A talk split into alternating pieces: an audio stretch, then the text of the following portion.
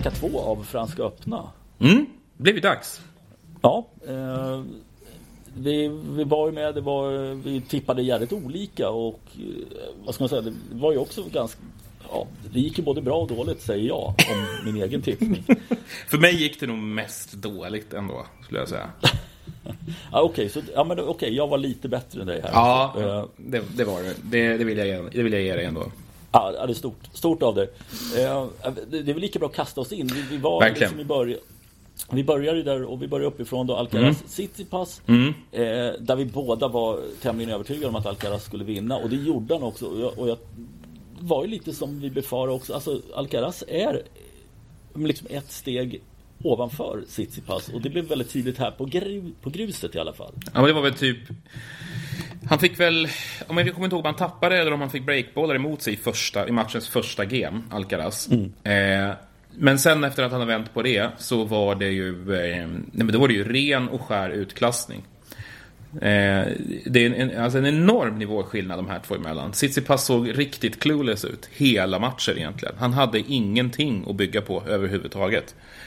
Eh, han, var, han var bara bortkollrad, bortspelad, liksom tempotorsk, hängde med huvudet. Han kände så tidigt att det här kommer inte att gå. Och, nej, nej, men, det, ja.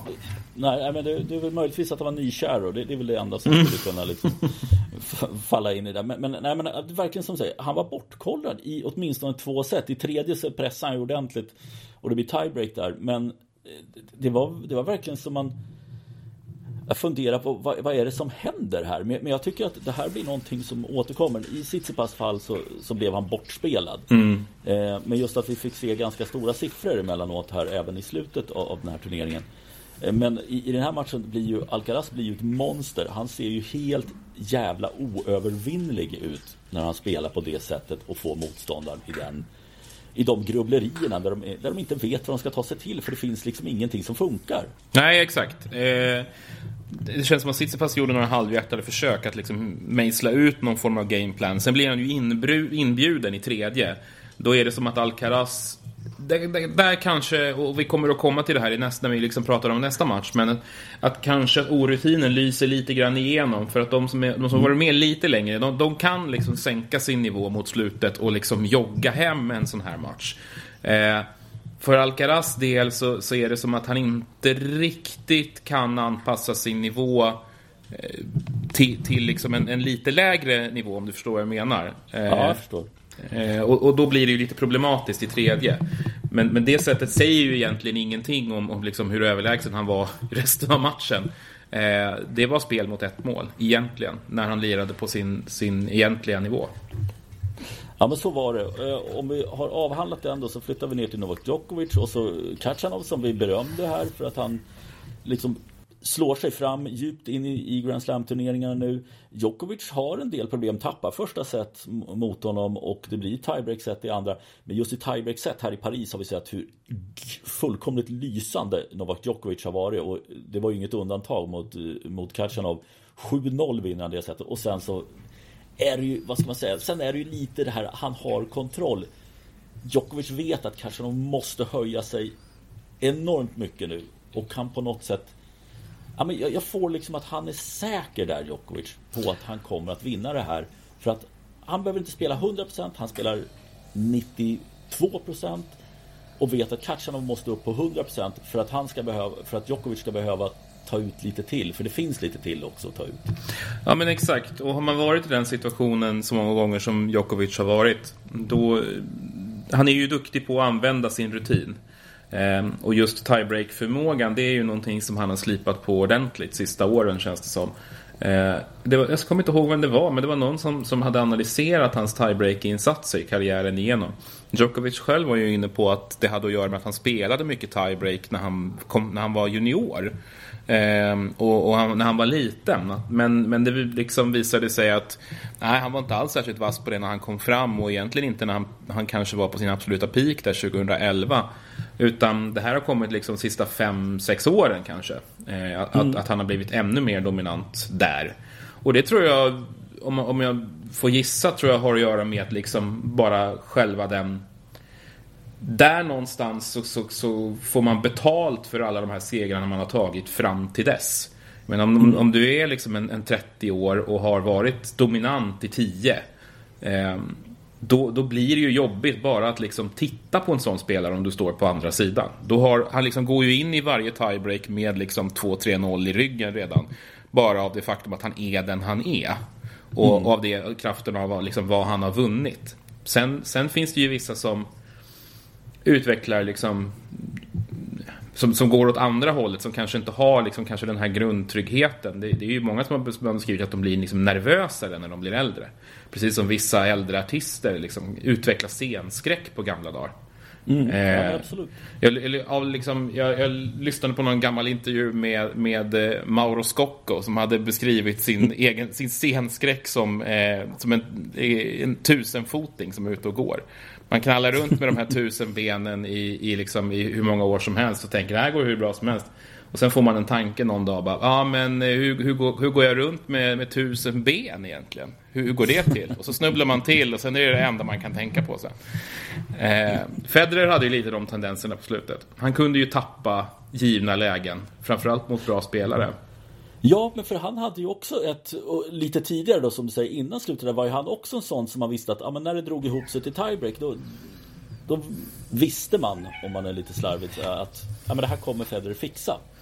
För just det här att motståndaren känner en ännu mycket mer press för att det är så lite som krävs för att det ska gå åt helvete. Precis. Eh, men, men den där, eh, ja, Mauro Scocco och, och jämföra Mauro Scocco och Djokovic och Federer, den såg jag faktiskt inte komma. Men, men jag fattar vad du menar. Det är sånt jag bjuder på. Eh, ja. Min USP i den här podden. Gamla svenska popreferenser och tennis. Eh, varsågoda. Ja. ja. Mm. eh, men Djokovic i alla fall till semifinal. Eh, vi flyttar ner till det skandinaviska eller nordiska mötet här mm. mellan eh, Holger Rune och Kasper Rud. Eh, och det ska sägas också att vi hade tippat Djokovic och Alcaraz i semifinal. Mm, här då kommer vi ner till Rune Rud. Jag trodde ju att Rune var på gång. Det visade sig att den här äh, kvarts, eller åttondelen mot Serundolo, den verkar ha tagit ordentligt på dansken. Ja, verkligen. Det här är väl det enda som jag gick rätt på känner jag under den här andra veckan. Att jag lyfte fram Kasper Rud förbi Holger Rune. han var, jag upplevde honom ändå som upp på uppgång, vilket han ju var genom hela turneringen. Han använde verkligen. första veckan på att spela sig i form. Eh, och sen tycker jag Rune kommer in Visserligen trött som du säger, men också märkligt clueless. Alltså taktiskt, riktigt... Det var väldigt chansartat och, och, och liksom... Ja, men det känns som att han liksom drog på halvchans lite hela tiden och väldigt mycket går det så går det här. Ja men lite att han skulle hitta någonting där, att han skulle hitta ja, men nu, nu, har, nu har jag träffen här så nu kan jag gå in och ta de här bollarna. Att han letade efter den grejen. Ja. Hade han fått det hade han hamnat i någon sorts zon och hade kunnat utnyttja det. Men, det, men det kom liksom aldrig. Och, och Rud var ju liksom väldigt... Han höll ju i och var tålamod och ja, men jobbade taktiskt smart. Ja men precis. Och, och sen i tredje set så får ju Rune lite snurr på, på grejerna. Då sitter ju några av de här poängen. Eh, han, mm. han vinner några spektakulära bollar, han vinner några lite längre. Får med sig publiken. Han får med sig publiken som vill ha lite match och då får han ju med sig det där sättet. Men sen så åker han ju ur zonen ganska raskt igen i fjärde. Och då är ju Rud där med, med sitt stabila uppträdande och bara liksom ja, men bollar hem fjärde set och matchen på det. Eh, jag, jag, hoppas att Rune lägger tid på att analysera sin insats i den här matchen. För att han kan ju uppenbarligen väldigt mycket bättre. Det, det var ingen eh, supergjuten insats taktiskt det här. Utan det var väldigt väldigt chansartat. Jag är mycket nyfiken på hur han tänkte själv liksom, inför det här. Vad han, vad han hade för plan. Men det kanske, kanske var så att han inte trodde att okej, okay, den här matchen blir lång, då kommer jag aldrig orka mot honom. Eh, Nej, att, att det var för, för fysiskt. Ja, hade det i huvudet redan från start. Ja. ja. Ja, vem vet. Men enorm match av Rud. Eh, jättefin insats. Jag tycker att han lyfter sitt spel till en, till en ytterligare en nivå där och det kommer ju mer av det sen. Ja men verkligen, för att om vi då flyttar ner så hade vi båda också tippat uh, Zverev. Uh, Echeverry trodde vi inte på. Han gjorde en bra match i kvartsfinalen. Verkligen. Jag, jag, skulle inte säga att det egentligen var så långt ifrån att han hade fått med sig fjärde också och vi hade fått ett femte. Uh, men där kändes ändå, jag tror Zverev liksom, det var verkligen så här, fan här, jag, jag får inte förlora den här matchen. Jag får inte göra det. Och det gjorde han inte heller. Men han var inte lika bra och lika säker tyckte jag i kvartsfinalen som han hade varit i några matcherna tidigare. Ja, men det, och det är möjligt att det skiner lite grann igenom också det faktum att han inte har gått så här djupt in i en turnering på väldigt länge också. Mm, eh, nej. För, för att därifrån, han, jämför med insatserna mot, men framförallt mot Dimitrov som han ju pulveriserar. Eh, Etcheverry är ju liksom lite bollsäkrare och lite snålare liksom. Och, och det, det, krävs lite mer effort för att blåsa honom av banan. Mm. Och, om, och om vi nu, nu, flyttar fram mot semifinalen som ju blir mot Rud så där är ju energin slut. Det är ju en orkeslös spelare som norrmannen möter. Det finns inget kvar i tanken. Nej, det, det var verkligen alltså märkbart. Alltså man tänkte Rune i kvartsfinalen. Men semifinalen, Zverev, det var verkligen, det, var, det blev ingen match. Jag Nej. tror nästan att Rune själv blev lite förvånad över att det gick så pass lätt, om jag uttrycker mig lite slarvigt. Ja, det var, det var liksom inget, inget motstånd, vare sig liksom spelmässigt eller attitydsmässigt. Det var, det var liksom en, en spelare i Sverige som tidigt kände att det här går inte. Jag kommer aldrig orka. Eh, nu, nu ser vi till att få ett slut på det här hyfsat fort så alla får gå hem. Typ. Eh, ja. Om man ska hårdra det. det. Det, det. blev aldrig match. Nej, nej men det ser man ju liksom. Det, det blir 6-0 i det tredje setet.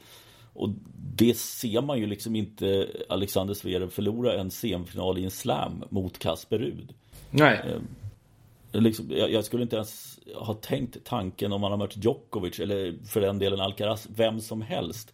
Han förlorar inte ett set i en semifinal om man heter Alexander Zverev och är i den position han nu eh, ja, har varit men är, är, på väg mot.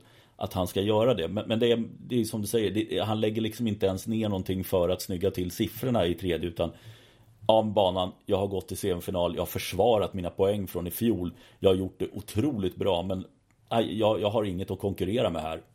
Nej, precis. Och, och, då rinner det ju iväg som, som det gör. Sist, i tredje set där är ju, ja, men det är nästan lite jobbigt att se. Eh, där är det ju en spelare som helt och hållet har gett upp.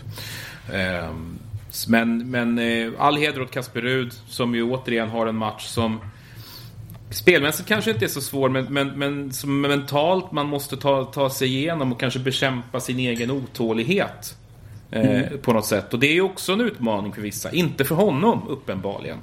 Eh, för att han möter två spelare som verkligen inte har sin bästa dag i, i kvart och semi. Och han gör processen kort med dem. Eh. Ja, jag måste säga det, det, det, imponerar så mycket på mig för, med tanke på att vi har varit på och pratat om det tidigare. Att han har famlat lite grann vad det tycks liksom i att hitta, sin, hitta tillbaka till, till det spelet han har haft här de tidigare säsongerna. Med undantag för Estoril då. Men i övrigt att... Ja, men, och, och då ändå ta sig fram till en final. Okej, han får inte de absolut tuffaste motståndarna. Men i och för sig en Rune i kvart, en Sverige i semi. Det är liksom inga... Det, det, är svåra matcher på pappret. Eh, nu möter han dem i rätt fas för sin egen skull. Han det känns som att han har lite mer problem, ja men möjligtvis här typ i andra där han tappar set mot, mot eh, Sepieri. Eh, eller chans man också, också tappar set mot. Men alltså det, det är otroligt imponerande. Det är liksom, han har ju varit i, i tre slamfinaler på ett år. Ja. Eller på, det blir tre av fem då som, och en, som han har varit. Och en slutspelsfinal. Eh, ja. Om vi ska prata om en eventuell femte slam. Eh, ja. det, det, är ju det är magnifikt.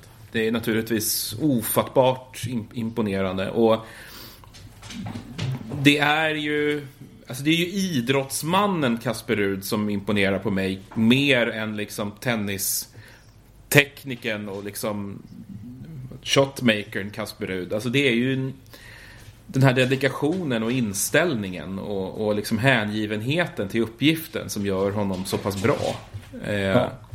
Han, är ju, han måste ju vara en av de mest noggranna spelarna där ute. Han lämnar ju ingenting åt slumpen.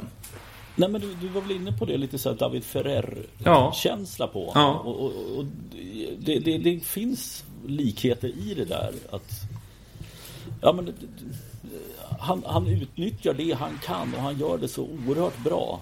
Eh, och sen så ska vi väl avhandla finalen när vi kommer till den. Men, mm. ja, men det, det, går inte annat än att säga att otroligt imponerande att han försvarar sin finalplats. Eh, vilket jag verkligen inte trodde innan. Eh, och det, ja, bra jobbat. Verkligen.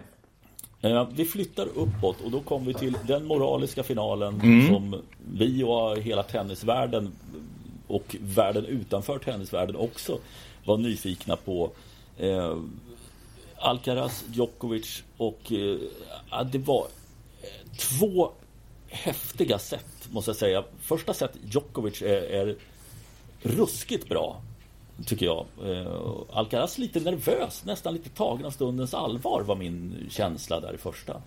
Jag håller med dig. Eh, Djokovic sätter ner foten, verkligen. Man var ju ruggigt spänd på att se var den här matchen skulle ta vägen någonstans. Mm. Det var ju den liksom, mest emotsedda i hela, hela turneringen. De här två som skulle göra upp om det på förhand. Eh, men, men eh, Djokovic visar liksom på något sätt var skåpet ska stå. Eh, spelar ut riktigt ordentligt. Det är ju hans bästa sätt i turneringen skulle jag säga. Eh, ja. Där första mot Alcaraz. Sen så byter spanjoren tillbaka. Börjar få lite mer traction. Eh, han gör ju den här helt sjuka eh, passeringen. Eh, där, ja. där, han, där han hämtar upp en lobb. Han får lite, lite mer utdelning på eh, med sina lobbar och stoppbollar. Djokovic hamnar ju i det här liksom periodvis lite i det här stoppbollslirandet som, som han inte är superbra på. Ja, inte mot Alcaraz? Nej. Det, det, blir lite mer Alcaraz-tennis i andra sätt. Eh, inte, ja. inte riktigt lika rakt. Eh, utan lite mer ryckigt och det passar honom. Men det sliter ju på honom uppenbarligen för sen händer ju, ja, det händer väl egentligen redan i andra sätt. Att han börjar få, få lite känningar och sen blommar ut fullständigt i tredje. Med där han helt enkelt får kramp i benet. Ja, och det, alltså, och det är verkligen så här. Och där får jag lite så här anspänning. Plus att han gör den här extrema, för jag tycker att det är, liksom, det är en tempohöjning och som säger han vill rycka mer. Men han sliter ju, just han springer ju på ja, allt. han springer så vilket, mycket.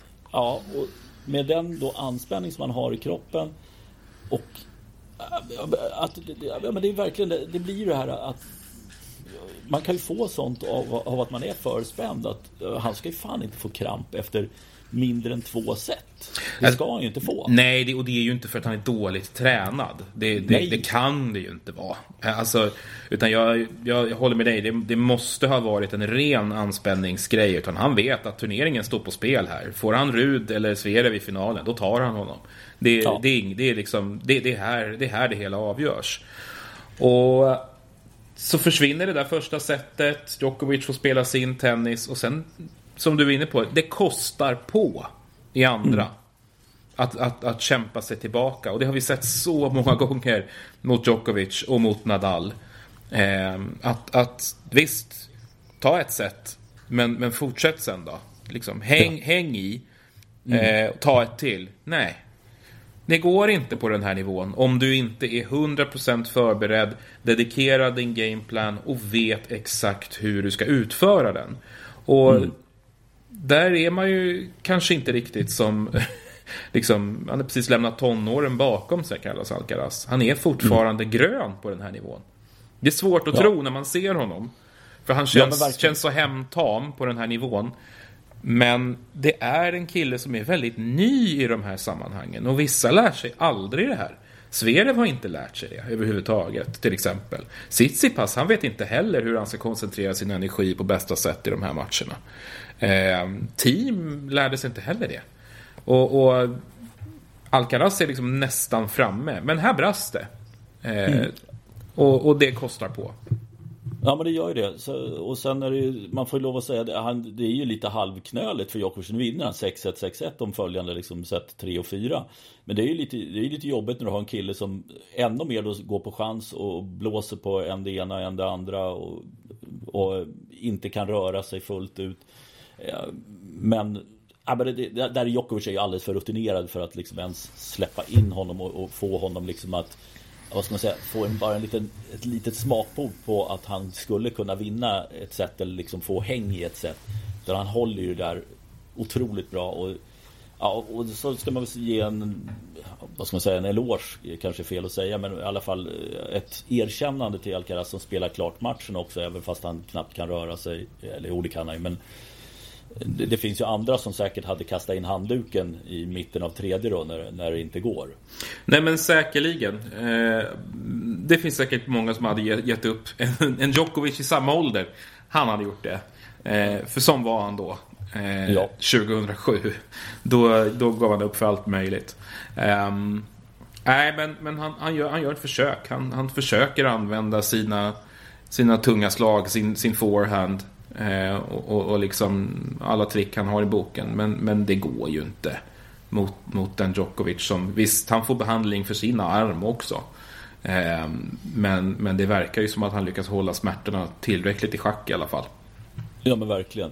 Och, och då, blir det, då blir det Djokovic och det Rud i final och där var det, ja, det, där var det faktiskt svårt för mig att mobilisera så här, okej, okay, varför ska jag titta på den här finalen? Och då menar jag inte liksom att egentligen är jag, vill jag se den, men det är ingenting som jag, jag har inte så lätt, och hade inte så lätt att sälja in finalen heller till andra, för att för mig är det så att, ja men, vi, vi berömt Kasper Rud på alla sätt och vis, men sätter man honom och jämför honom med Djokovic så ser jag inte på något på någon punkt att han är bättre än Djokovic.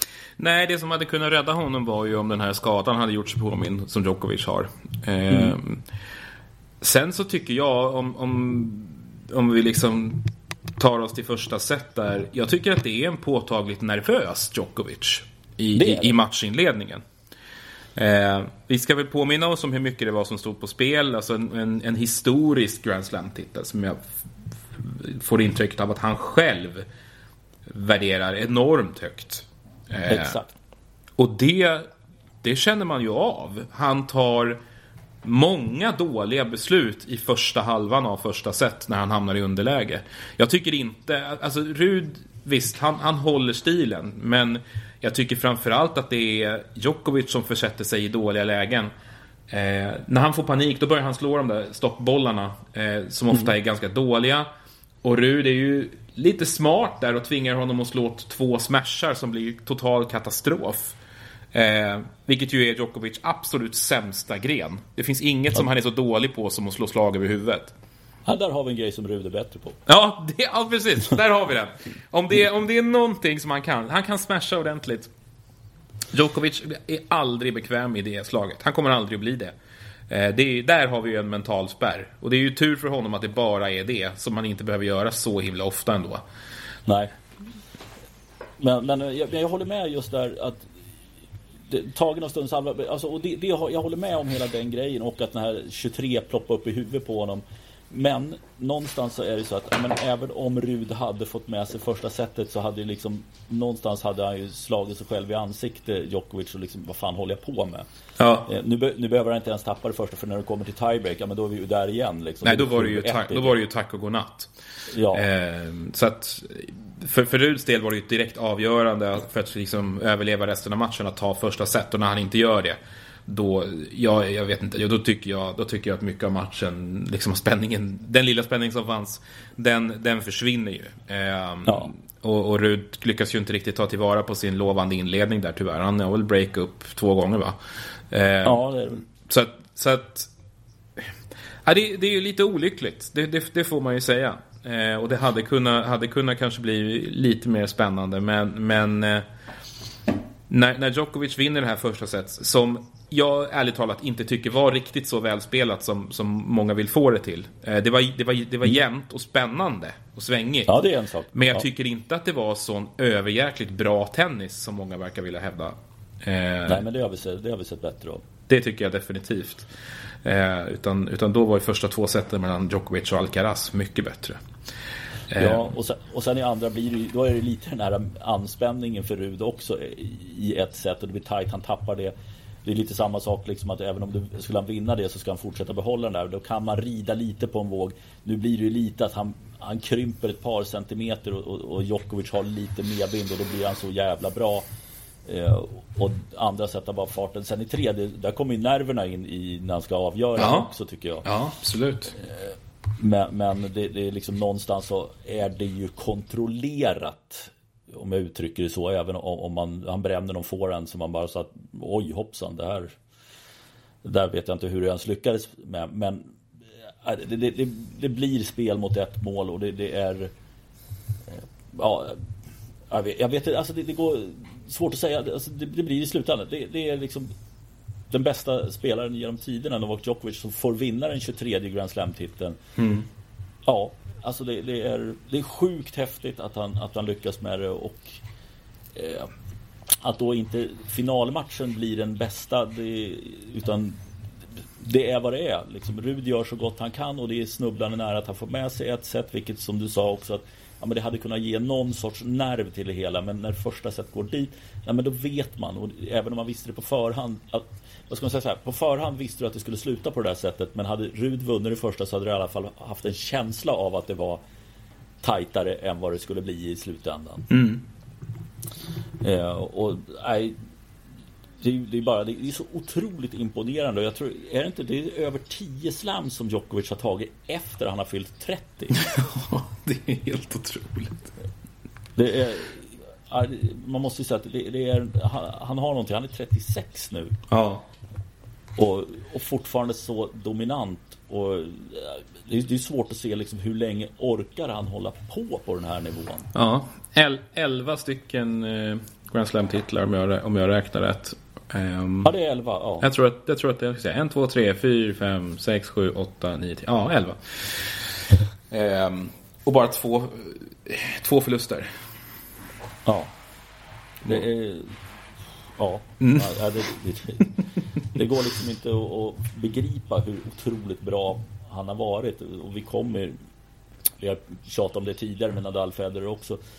Eh, hela den här eran att det, det, det, det går inte att se det framför sig att någon ska kunna hitta det här och vara den dominanta personen i tennisvärlden framöver inom överskådlig tid. Carlos Alcaraz, ja, men där får man inte glömma bort heller hans skadebekymmer. Han har haft en hel del under våren också och som du nämnde, han är 20 år och har de här redan nu en del skador som kommer så är det svårt att tro att han kommer bli någon sorts Djokovic som kan hålla sig hel under väldigt långa perioder.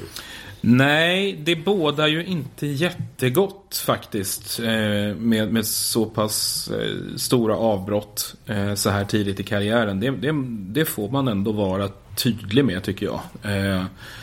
Där, där, där har han ju ett uppenbart problem. och, och Någonting som kommer att kosta honom framtida titlar. Spontant så känns det ju som att det är in, när Djokovic väl försvinner så ja, fältet ligger ju öppet för, för Alcaraz dominans. Ja. Naturligtvis. Det det. På åtminstone två av de här underlagen. Men eh, som sagt, skador kommer ju möjligtvis att sätta käppar i hjulet för honom. Um, så eh, det, blir, det blir intressant för jag. Jag tror ju naturligtvis inte att han kommer att vara uppe i de här, de här siffrorna som Federer, Nadal och Djokovic är. Ehm, men, men eh, nej, det, den, den, blir, den blir intressant att följa. Och blir intressant att se också hur många, hur många Djokovic har kvar i sig. Eh, ja men verkligen. Jag tror inte han är färdig. Nej jag tror inte heller det. Men frågan är när, alltså om det, vad som kommer stoppa honom. Är det åldern eller är det en skada som kommer säg ja, men i vinter eller något sånt. Vi, vi såg ju hur Federer började få fler och fler skador var liksom när sent 30 i ålder. Mm. Att ja, men det, det, krävs så mycket. De vet ju hur mycket som krävs fysiskt för att vara på den nivån som man behöver vara för att vinna en slam. Mm. Så att, ja, det, men, men visst tusan så som man ser ut idag. Ja, men, alltså rent krasst så är det så här. Ja, men, titta framåt mot Wimbledon, titta framåt mot US Open. Ja, det går väl inte att säga något annat än att Novak Djokovic är Ja, vad ska man säga? definitivt den absolut största favoriten att vinna båda två. Eh, sen är det Wimbledon, tror jag, som är den stora. US Open kommer nog bli tuffare för då tror jag en, en hungrig Medvedev till exempel kommer vara tillbaka där, exempelvis. Alltså, eh, Djokovic har ju haft notor, notoriskt svårt, men, men tre titlar har han i US Open att jämföra med tio i Australien. Eh, mm. Han koncentrerar det har blivit så att han har koncentrerat sin energi till den första halvan av säsongen. Mm. Eh, och sen så rycker han till igen på hösten och, och spelar hem slutspelet. Mm. Eh, det finns i stort sett ingen tennisspelare som har energi nog att gå för alla fyra. Det är extremt svårt. Eh, särskilt för någon som har liksom fyllt 36. Eh, det, det, det, är enormt svårt och, och Wimbledon är naturligtvis superfavorit i. Den tror jag han kommer att vinna. US Open, ja, det tror jag vi har någon annan eh, som, som, står som segrare. Sen om det är Medvedev eller om, om Alcaraz är, är heltidsdess, det är väl de två som är huvudfavoriter i så fall. Eh, mm.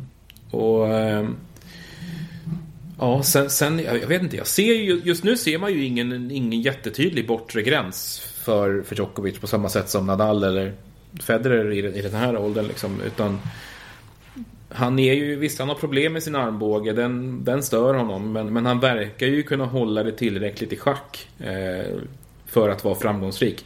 Det kommer ju att komma längre uppehåll, så är det ju. Säsongen kommer ju att tunnas ut. För ja, men det, och det, det känns ju lite som, ja men i år skulle det kunna vara en sån grej att nu vet inte jag, varken du eller jag egentligen status på hans armbågsskada. Är det någonting som går att operera? Ja, men är det en sån grej han i så fall skulle göra efter US Open för att liksom försöka vara fit for fight till Australien? Alltså, en sån tanke har slagit mig i alla fall att ja, men nu kanske det blir ett långt uppehåll i höst. Ja, det är ju mycket möjligt att det blir så. Eh, för att Australien vill han ju vara fit for fight i, i mesta möjliga mån. Den vill han ju verkligen vinna. Eh, jag tror att han har större, större ambitioner där än vad han har i, i US Open som ju har varit historiskt sett tuffare för honom att prestera bra i. Ja men visst, ja, men vi får se om, om det blir något så här att han har ett, ett gyllene läge och ta en eh, kalender Grand Slam mm. igen då. Och då kanske han har lärt av tidigare misstag höll jag på att säga. Eh, misstag och misstag. Det var en motståndare också som hade med saken att göra. Men i alla fall. Eh, ja, men då, vi, vi, stänger den boken och egentligen som ett litet appendix till den här eh, summeringen så får vi väl hänga på eh, comeback-tider här. Ja! Eh, och, och, just på gräset så blir man ju lite glad när man eh, ser att en viss eh, kanadensisk spelare är tillbaka. Tillika tidigare Wimbledon-finalist också. Eh, Milos Raonic. Ja.